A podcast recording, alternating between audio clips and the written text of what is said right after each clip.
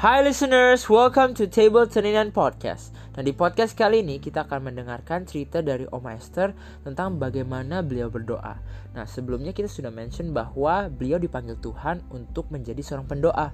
Nah sekarang pertanyaannya, bagaimana sih seorang pendoa itu berdoa? Yuk sama-sama kita dengerin yang pastinya akan memberkati kita dari generasi ke generasi.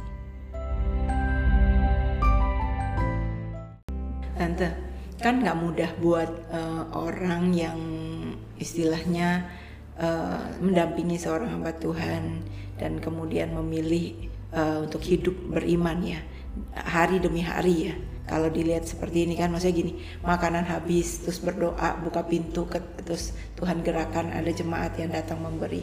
Itu kan berarti iman tiap hari ya tante tiap hari. Apa sih yang tante lakukan? Setiap kali Tante sebagai ibu punya empat orang anak dan tahu waktu itu masih dua. Ya, waktu itu masih dua uh, dan tahu bahwa ini di di apa di mungkin di ruang makan sudah tidak ada makanan lagi sudah hampir habis. Uh, doa seperti apa sih yang tante naikkan di hadapan Tuhan? Kata-katanya uh, kira-kira apa tuh tante? Supaya kami nih yang muda-muda belajar ya.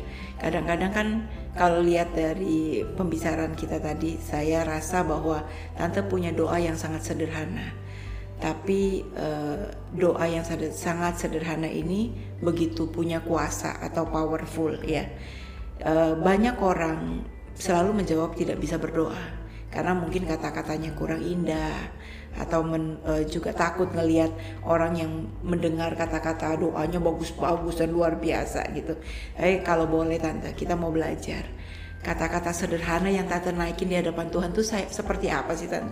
Saya kalau datang mengampiri hadirat Tuhan, saya hanya menyembah, hanya ber, bernyanyi, memuji Tuhan, menyembah memuji Tuhan, menyembah, menyembah, menikmati setiap hadiratnya, belajar hidup rendah hati.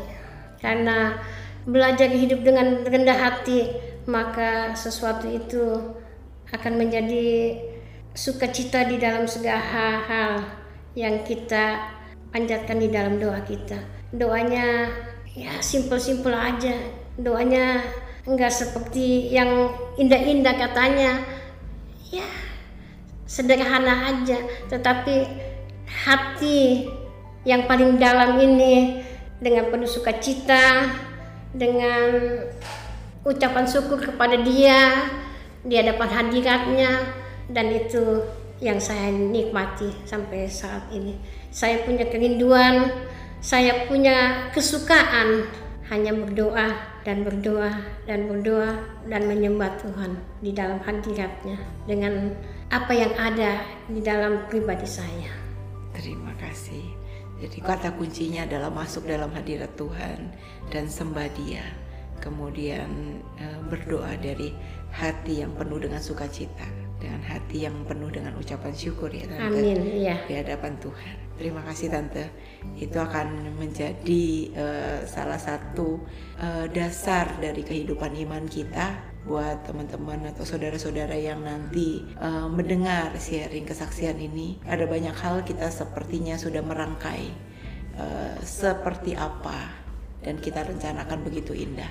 Tapi ternyata yang powerful justru hadir di saat kita datang ke hadirat Tuhan dan semua doa yang kita panjatkan adalah dengan hati yang penuh dengan sukacita.